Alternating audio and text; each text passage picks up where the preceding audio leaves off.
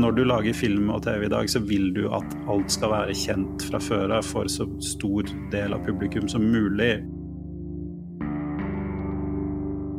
Selv om det begynner å bli en stund siden spillbransjen vokste seg større enn filmbransjen målt i dollar og øre, har Hollywood aldri helt fått dreisen på å forflytte populære spillfranchiser til kinolerretet og TV-skjermen. Men i januar lanserte HBO serien The Last of Us basert på spillet ved samme navn, til stor begeistring fra både kritikere og publikum. Og i påskehelgen spilte animasjonsfilmen Super Mario Bros. inn 146 millioner dollar på kino i USA. Så det kan virke som det som lenge har blitt oppfattet som et sjansespill, over natten har blitt den nye formelen film- og TV-bransjen baserer seg på for å få oss til å kjøpe kinobilletter og fornye strømmetjenesteabonnementene våre. Velkommen til Morgenbladets filmpodkast. Jeg heter Viviana Vega, og med meg i studio har jeg Morgenbladets kulturjournalist Elise Dybvig. Hei. Hei, hei. Vi har filmanmelder Ulrik Eriksen. Hei. Hallo. Og på linje fra Bergen har vi med oss filmanmelder Aksel Kielland. Hei. Hallo. Eh, Det er jo ikke bare The Last of Us og Super Mario Bros. som er der ute nå, som er basert på spill. Ja, nei, det er jo en forholdsvis lang historie da, i Hollywood med spilleadaptasjoner fra den første Super Mario-filmen fra 1993, som vi kanskje skal snakke litt mer om etterpå. De mest kjente er vel kanskje Mortal Kombat og Tomb Raider-filmene. Eh, samt eh, Det er en haug med Resident Evil-filmer. Og du hadde et stort, eh, ganske eller forholdsvis dyrt forsøk på å lage Prince of Persia med Jake Gyllenhaal en eller annen gang på forrige tiår. Og så hadde du en Assassin's Creed-film med Michael Fassbender. Men felles for, for disse filmene er jo at de de har, de har gått greit, men de huskes ikke som spesielt gode. og De har ikke begeistra fansen, da, eller blitt de, de helt store kassasuksessene. Men det er noe som har eh, skjedd nå. Altså jeg tenker Det er jo trygt å si at vi er i en slags spillboom i film- og TV-bransjen. Nå er det jo, altså Du nevnte en haug av eksempler, men nå er det også flere spill på kino. Det er Dungeons and Dragons, som opprinnelig var et brettspill. Og i våres kom den det film om spillet Tetris på Apple Plus. Og i fjor kom blant annet Halo. Altså det er så mye. Ja, og så har du òg, det er kanskje litt på siden, men lekefilmen, eller filmer som basert på leker. Du får Barbie-filmen som kommer nå, du har hatt Lego-filmen ganske lenge. Så her er det et eller annet som skjer. Ja, eller så det, er jo, det er jo del av et fenomen man har sett lenge. Da, at, at, altså man kan kanskje si, Hvis man er optimistisk på spillfilmens vegne, så kan man si at spillfilmen er den nye tegneseriefilmen. Og rent sånn historisk så gir jo det mening at folk født på tidlig på 80-tallet og eldre, de hadde kanskje et nære forhold til tegneserier som barn enn spill, og så endrer det seg en eller annen gang på 80-tallet. sånn at nå får du liksom Det mer tid som går, det mer folk har vokst opp med å spille dataspill, TV-spill som unge. Og så tror jeg da at kanskje du har en sånn psykologisk effekt innad i Hollywood, da, sånn som at du hadde med um, da Christopher Nolan lagde The Dark Knight. Du får en film som ikke bare er populær, men den blir også tatt seriøst. Og den, den, den blir oppfattet å være liksom, av høy kvalitet. Og, og, det gjør jo noe da med den nisjen av bransjen. For det var vel det som skjedde nå med den The Last of Us på HBO. At den fikk så utrolig gode anmeldelser, og den ble så utrolig godt mottatt av publikum. Jeg har så mange som er skikkelig fan av den serien. Så med en gang det skjedde, så føler jeg at det var noe som for mange ganske snudde litt sånn Oi, disse seriene og filmene de har kanskje noe for seg. Uavhengig av den spillopprinnelsen, da. Ja, det er interessant. Jeg tenker at uh, her er det et eller annet. Men hva er hva? Fordi tegneserier har jo på en måte lenge hatt en økende anerkjennelse kunstnerisk sett.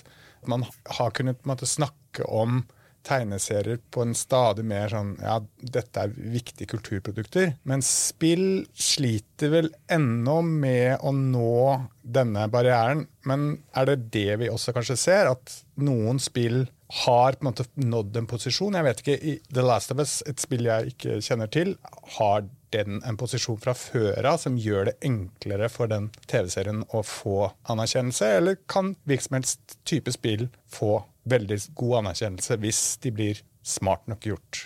Jeg tror det er sånne spill som Last of Us, som jeg ikke har spilt, men jeg har forstått at det er mye fokus på liksom, å lage en historie rundt, vil kunne gjøre det bra. Og jeg tror vi står ved et slags vannskille. Det var jo lignende utvikling i tegneserie, altså superheltfilmene. Det har vært veldig mange forsøk på det opp gjennom åra. Og den første som ble regna som suksessfull, det tror jeg var Tim Burtons Batman i 1989. Og så har de liksom bare etter hvert sett at her er det mye å hente.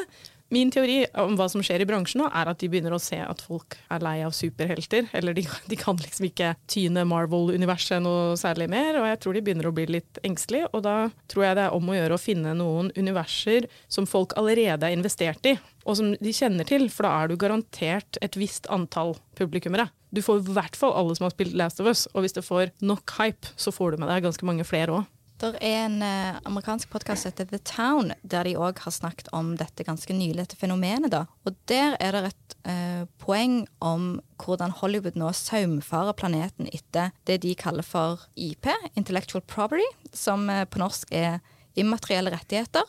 Og der det gjelder, jeg vet at Du har snakket litt om Aksel om dette i, i norsk filmkontekst. Saumfarer de historiene eller figurene som en kan forvente at såpass mange kjenner til at det vil umiddelbart være en interesse når da filmen eller serien dukker opp. Og Der ble det påpekt at f.eks. en karakter som Robin Hood ja, han, han, Det er vi ferdig med. Litt for universelt. Um, men at, at, spillene nå tar over, er òg et tegn på at spillene òg har, sånn som Ulrik er litt inne på, at har liksom kjørt gjennom og opp og blitt en større del av den kulturelle bevisstheten til folk? Jo, den har jo det. Og så, og så, er det en viktig forskjell på tegneserier og spill, er jo at disse tegneseriefigurene har jo blitt større og større i en kulturell kontekst i takt med at salget av faktiske tegneserier har sunket. Sånn at liksom, tegneserier i dag, superhelttegneserier i dag, selger ikke noe særlig. Eh, men takket være disse filmene, da, så har det jo blitt Der er det jo big business. Mens spillbransjen er jo større enn en, en, uh, film- og TV-bransjen, eller i hvert fall større enn filmbransjen. og har ikke lenger behov av det der godkjentstempelet. Og jeg tror eh, jeg er jo ikke noe dataspillmenneske selv, eh, men jeg tvinger folk til å spille spill for meg, så jeg kan se, så jeg kan holde meg litt oppdatert innimellom og ut fra det jeg vet der, så er jo det at du har jo en sånn kunstnerisk dreining i der også, men det at vi ikke ser det i kulturspaltene på samme måte som vi ser tegneserier, har nok litt å gjøre med at spillfeltet selv trenger ikke den anerkjennelsen. Og, og derfor er det ikke liksom like mange som, som driver fram det der. Da. Så, så, kan du sikkert si at det vil skje om, fem-ti år, så vil det være der på samme måte. men jeg tror det viktige er det der med felles referanser. da, At når du lager film og TV i dag, så vil du at alt skal være kjent fra før av for så stor del av publikum som mulig. Og da er spillene vokst seg til en av de største delte referansene vi har da, på, på global basis. Ja, og apropos det, felles referanser. Eh, har dere noe forhold til Super Mario-spillet da, på Nintendo? Har dere spilt det? Altså, jeg spilte det da jeg var liten, eh, Donkey Kong, men eh, på Game Watch eller hva det var for noe. Eh, ellers så har jeg vel knapt spilt det, må jeg innrømme det. Ja, Elise? Jeg har spilt noe, i den grad at jeg kunne gjenkjenne et par av symbolene og de visuelle delene i denne nye filmen. Men that's it. Ja. Jeg var en veldig ivrig spiller til og med Super Mario 3 Uh, og etter det så er det veldig sporadisk, men det er jo mye å kjenne igjen her likevel. Jeg, jeg har jo vært eh, megafan av Mario-universet siden jeg var liten, og er, spiller fortsatt noen Mario-spill. Men vi har jo alle vært på kino og sett denne Super Mario-filmen med veldig forskjellig utgangspunkt. Da. Dere som ikke hadde så sterkt forhold til spillet, hva fikk dere ut av å se den? Jeg må si at jeg, For meg bare det å se den filmen det var litt som å se på noen spille dataspill. Og det er, i motsetning til Aksel, tydeligvis noe av det kjedeligste jeg vet. da er det bedre å spille selv, selv om jeg ikke er så glad i det heller. Men, men det syns jeg virkelig er sånn deprimerende.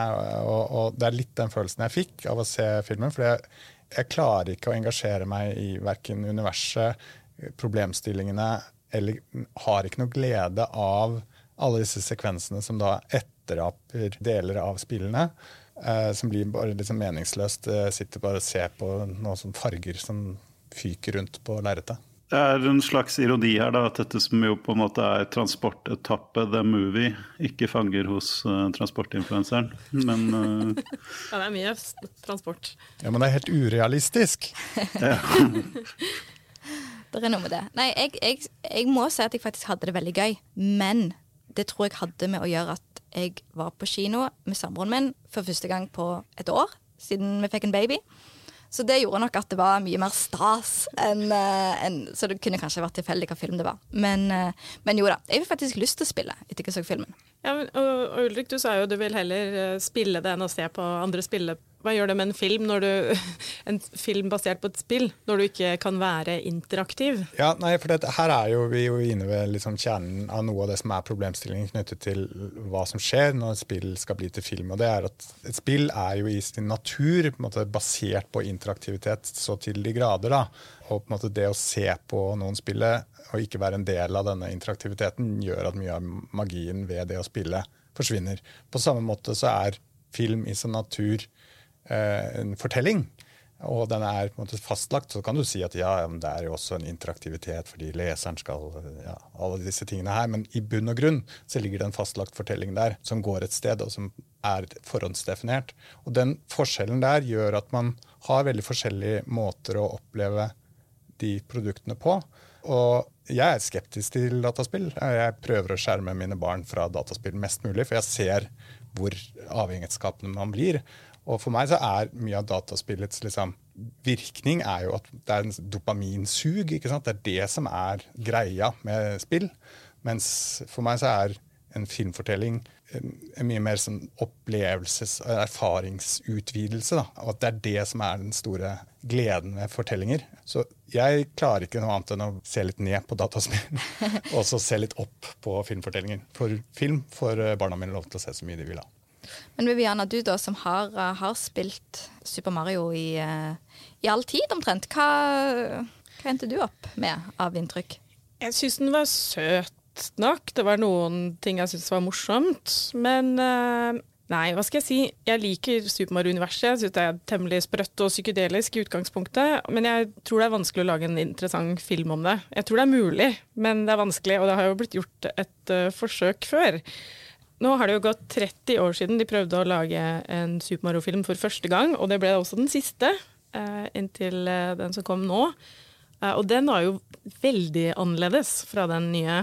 Ja, altså jeg syns også den nye filmen var Jeg var litt overraska hvor lite engasjert jeg var. Jeg, jeg hadde sett for meg at, jeg, at, det bare skulle funke bedre. fordi at du har etter hvert så har du jo i Mario-universet et veldig sånn rikt uh, rollegalleri som burde være enkelt å dytte inn i en sånn animasjonsfilmmal.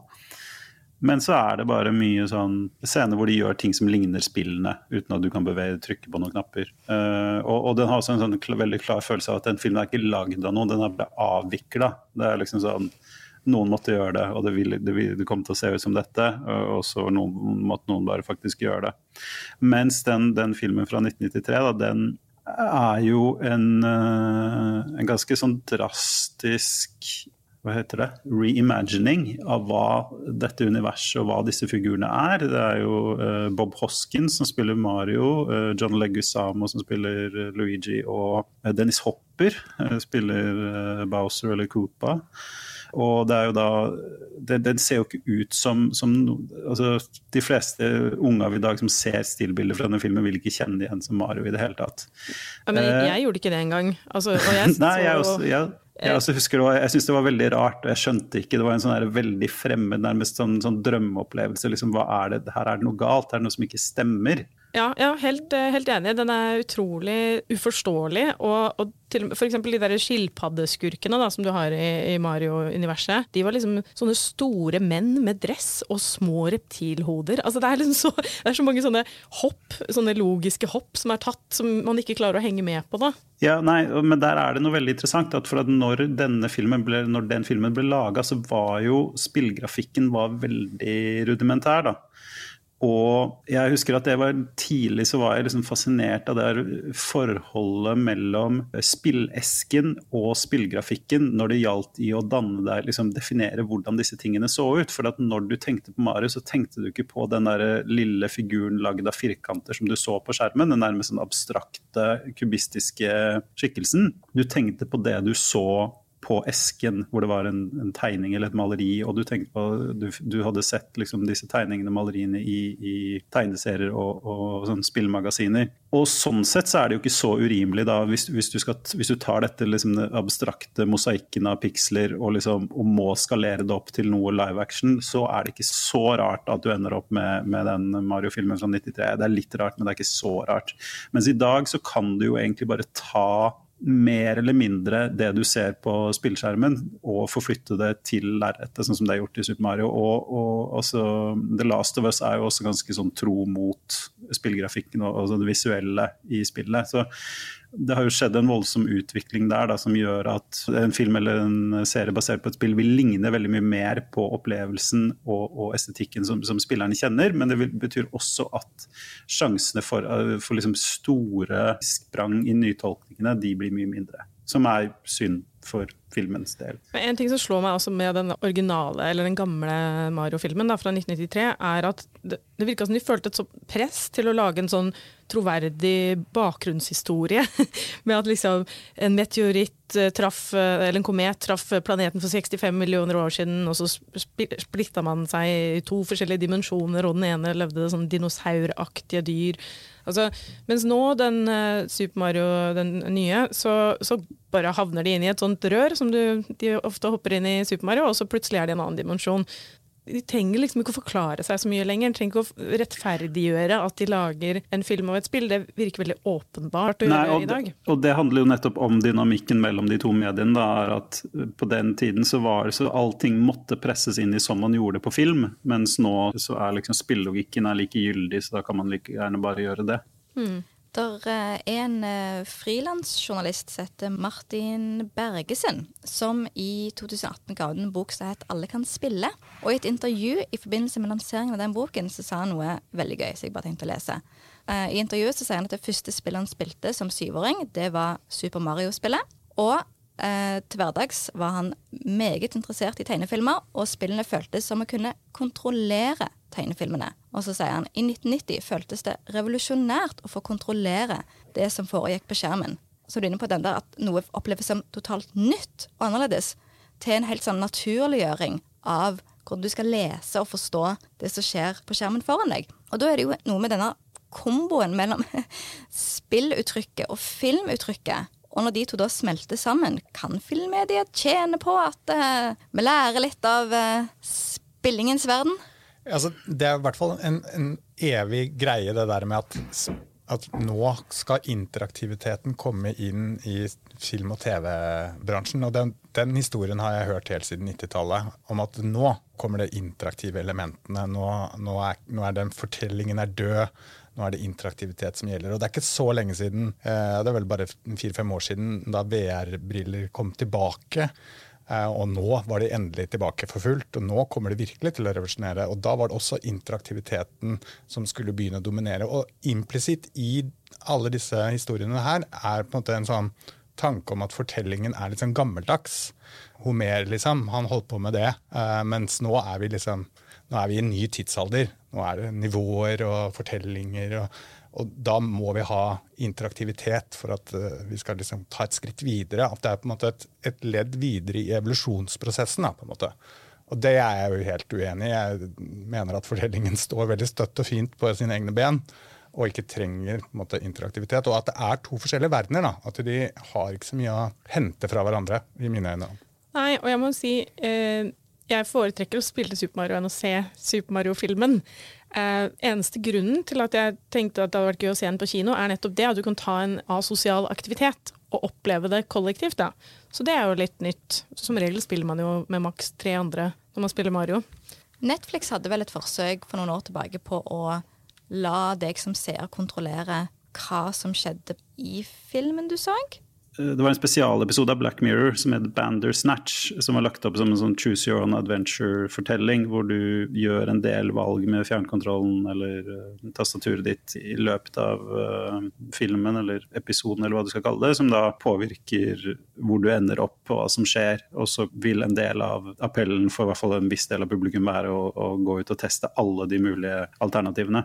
Uh, og jeg har også sett nå når jeg, når jeg skulle se litt på dette, at Netflix har et, en del Ehm, sånn naturprogrammer hvor de gjør det der, eller sånn overlevelsesprogrammer med han der uh, Bear Grills og et par sånn animasjonsfilmer hvor du kan annet en, en Jurassic Park-ting. Men det er jo ikke noe som har liksom satt fyr på filmens verden, så jeg vil jo heller si at Jeg husker også som, som Ulrik sa, at jeg, hvis du var på en viss type filmfestivaler i forrige tiår, så var det veldig mye VR-seminarer og veldig VR-rom, og det var mye snakk om VR og interaktivitet. Og, og, og det har liksom, i hvert fall, om ikke det har forsvunnet, så har troen på at det er det nye store uh, blitt borte. Mens i spillenes verden så, så, har det jo fått en mer Jeg vil jo si at du, Det virker som du har fått en, en større linearitet, en større, større fokus på historiefortelling, og, og, du har den der, jeg vet ikke hva de kalles, men den kategorien av spill som nærmest er tegneserier eller animasjonsfilmer. som Lineære uh, fortellinger som du bare trykker framover ved å liksom velge en eller annen dialog som ikke har så mye å si for plottet. Så, så det er vel kanskje noe, noe, som har skjedd der, da, at fortellingen var ikke død likevel. Homer har vunnet. Rett og slett. Ja, ja for det, det, er mitt inntrykk. At, at når jeg leser om, eh, om, om, spill, så får jeg gjerne inntrykk av at det er, en, det er en, en større vekt på de kunstnerisk ambisiøse spillene, som da inkorporerer filmens virkemidler mer enn at filmen tar til seg spillogikk. Med nettopp historiefortelling, karakterutbygging, univers. Um, alle de elementene der, da. Så er det noe med at de som jo støtter spillutvikling i Norge, det er jo Norsk Filminstitutt veldig, veldig stor grad. Det er noen overlapp der som uh, er verdt å merke seg, i hvert fall. Absolutt. Men hvis du spør hva kan filmen tilføre spillene, så tenker jeg først og fremst at de kan bygge på litt sånn bakgrunnshistorier og sånt, og det gjør de veldig ofte. Fordi det er, de er som oftest ganske tynt i spill. Og jeg nevnte det her med dinosaurdimensjonen og sånt til Mario, men en annen ting de gjorde i Mario-filmen, var at de ga Luigi og Mario en storfamilie. Det, det reagerte jeg faktisk litt negativt på, for jeg syns ikke det var noe nødvendig. Det er mye gøyere når de bare er to karer i rød og grønn drakt som er rørleggere, og det er, liksom, det, er det du veit om dem. De, de, liker å spise spagetti, på en måte. Det er surrealistisk nok uh, i seg selv. Men noen som eh, tok det på en måte å lage en bakgrunnshistorie til et nytt nivå, det var jo en episode i The Last of Us som ble en skikkelig snakkis, og det var den tredje episoden. Da har de tatt en litt sånn perifer karakter, eller karakterer, som heter Bill og Frank, som da hjelper disse hovedpersonene underveis i spillet. Og så har de via en hel episode til dem. De har bygd en slags eh, en, en romanse mellom dem som varer over mange år. Og det, det, gir jo på en måte en helt ny substans da, til den veldig sånn enkle historien du får presentert i spillet. Og det, det, har jo både vært veldig populært og veldig kontroversielt, da. Det er veldig spennende. For der tenker jeg når, og når du sier dette med hvorfor i all verden har disse rørleggerbrødrene en storfamilie i Super Mario, der igjen kanskje at filmens felle med at filmen føler at Mario trenger en motivasjon eller noe sånt. Så ved å ha en, en veldig sånn patriarkalsk farsskikkelse som sier at du blir ikke noe stort her i livet, så har han det han trenger for å gå ut i verden og, og vinne prinsessen og halve kongeriket, da. Karakter må ha en motivasjon for hvorfor. Ja, Det holder liksom ikke å redde soppriket, du må gjøre faren din i Brooklyn stolt også, liksom. Det syns jeg ble litt sånn teit. Da. Jeg synes Hvis du først skal holde det så enkelt som det er i den filmen, så hold det enkelt. Og en veldig sånn ren enkelthet er jo, tenker jeg, noe du får veldig bra når du tar et spill som utgangspunkt for en film. Når du da koker det ned til en person og en ting da, som noen skal ta fra noen andre, passe på at ingen andre får klørne i den, og så legger du noen hindringer på personens vei, så er jo det basically det mange filmer har som et utgangspunkt. da. Og så kan du velge hvor sofistikert du vil gjøre den tingen. Jo renere handling, jo mer går det an å gjøre rundt. da når du ikke lenger kan gå til liksom de greske tragediene eller fortellingene for en sånn fellesnevner, så så blir liksom spillene der du går. Er det den nye greske tragedien? Er det Super Mario? Nei, men jeg vil bare skyte inn at det er en, eh, det er en viss fare her da, når man gjør sånne ting. Eh, når man utvider for mye eller, eller eh, kontekstualiserer for mye, er at fansen liker det ikke. Og det kanskje beste eksempelet på det var da for noen år siden så lanserte de den første traileren til den første animerte Sonic the Hedgehog-filmen. Og det, De Sonic-filmene er jo blant de større suksessene nå før Mario. Da var reaksjonene på selve liksom, utseendet til hovedpersonen så negative at de valgte å gå tilbake og animere, altså designe han om. Og, og, og liksom bruke lang tid på å animere om alle sekvensene, sånn at han så riktig ut til noe fansen likte. Sånn at det er jo også, også en, en, fare med dette, da, at når du har en så stor eksisterende fanbase, så kan de også reagere veldig negativt negativt. Og, og det, det, det, det, spiller jo liksom inn i dynamikken her da, på hva man satser og hvordan man satser, og, og hvor mye nytt man tør å gjøre. Det er et veldig godt poeng. Og da lurer jeg igjen på sånn Super Mario Eller det er vel først og fremst en barnefilm, da, helt klart. Men er de da til for folk som har et forhold til spillene, og at en håper at de er såpass mange at uh, de møter opp? Eller at en prøver å ta noe som folk har sånn cirka hørt litt om, og så drar oss andre inn i det dragsuget, og kanskje får oss over på spillene? Jeg tror i Super Mario så er det, uh, regner de med Altså de prøver å lage en familiefilm uh, som flest mulig kan se, og da har de laget om et produkt som veldig mange voksne også har et forhold til, så den treffer virkelig et stort marked. Men med Last of Us der er det mange som har sett serien uten å ha spilt spillet som nå kan tenkes å begynne å spille spillet. Og de har til og med lansert det på nytt på, for PC ganske nylig. Så hva kan, eh, hva kan film tilføre spillbransjen? Penger. Penger, diversifisering, nye produkter. De har lyktes i å reaktualisere et spill som er ti år gammelt, rett og slett. Så jeg skjønner veldig godt hvorfor de gjør det. Og jeg tror også spillbransjen begynner å bli litt nervøs for at uh, deres bransje går samme, i samme retning som TV og film og musikk, da, som alle har på en måte blitt litt sånn ødelagt av internett og strømming. Men spill fortsatt har gjort det veldig bra. Folk er fortsatt villige til å betale for det. Eh, men eh, det kan godt hende de kjenner på at det, den tida snart er over, og må ekspandere litt. Ja, skal vi runde av der? Og så tar vi litt anbefalinger eh, til slutt. Har dere sett eller hørt noe spennende i det siste? Jeg prøvde å tenke om det fantes noen gode spillfilmer. og Det beste jeg kom fram til, var den Street Fighter 2-animeen fra 1993. Men det er så lenge siden jeg har sett, så jeg kan ikke gå god for den. Så, jeg, men jeg var, tidligere i dag så var jeg på um, pressevisning og så um, Susume av uh, Makoto Shinkai. Så det er ikke en spillfilm, men det er, også, det er kommersiell uh, japansk underholdning, i hvert fall. Eh, Ulrik? Ja, jeg, jeg kan være enig i Susume. Jeg anmelder den på morgenbladet.no.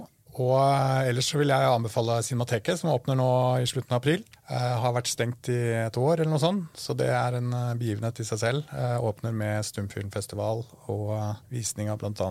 Viktor Sjøstrøms The Wind, som jeg kan anbefale veldig. Gleder oss til det. Eh, Elise? Ja, for å følge opp dette med jakten på noe eksisterende som det går an å skvise en haug med film og TV-serier ut av, så kom jeg ved en tilfeldighet over en uh, filmserie fra 60-tallet som er basert på en uh, etterretningsagent, noe i den dur, som heter Matt Helm, som ble spilt av Dean Martin i fire filmer. Jeg kom over traileren på YouTube, og det er det verste jeg har sett. Første filmen heter The Silencers. Dean Martin spiller altså Matt Helm, forteller traileren meg. Jeg har ikke noe forhold til Matt Helm. Men jeg så på Wikipedia-siden at uh, det siste tiåret så har uh, ulike studioer i USA, uh, i Hollywood, gjort ulike forsøk på å se på rettighetene. Skal vi gjøre noe med disse rettighetene? Bradley Cooper har vært innom, for kanskje om han er det nye. Matt Helm.